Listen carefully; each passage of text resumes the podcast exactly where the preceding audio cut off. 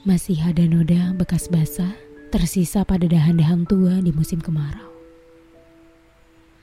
Yang mulai patah dicederai angin. Bola matanya menoleh.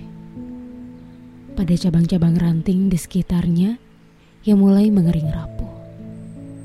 Menangis pilu dengan bisu.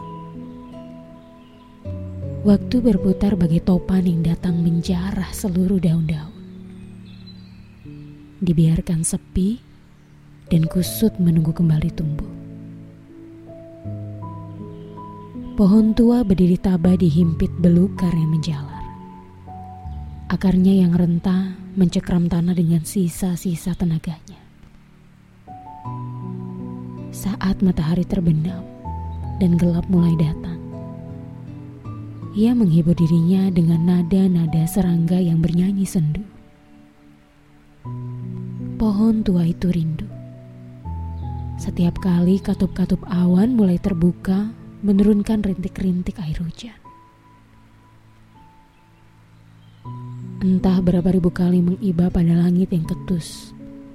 Rasanya seperti ditinggalkan sendiri, menunggu badai menghempas dan membuat sekelilingnya tandus. Namun seolah musim tak tahu arah. Terkadang bergerak tak seimbang dan baginya kemarau tetap selalu panjang. Hidupnya dipaksa pasrah menua dengan pilu. Doanya pun berubah haru, berharap tumbang di penggawak.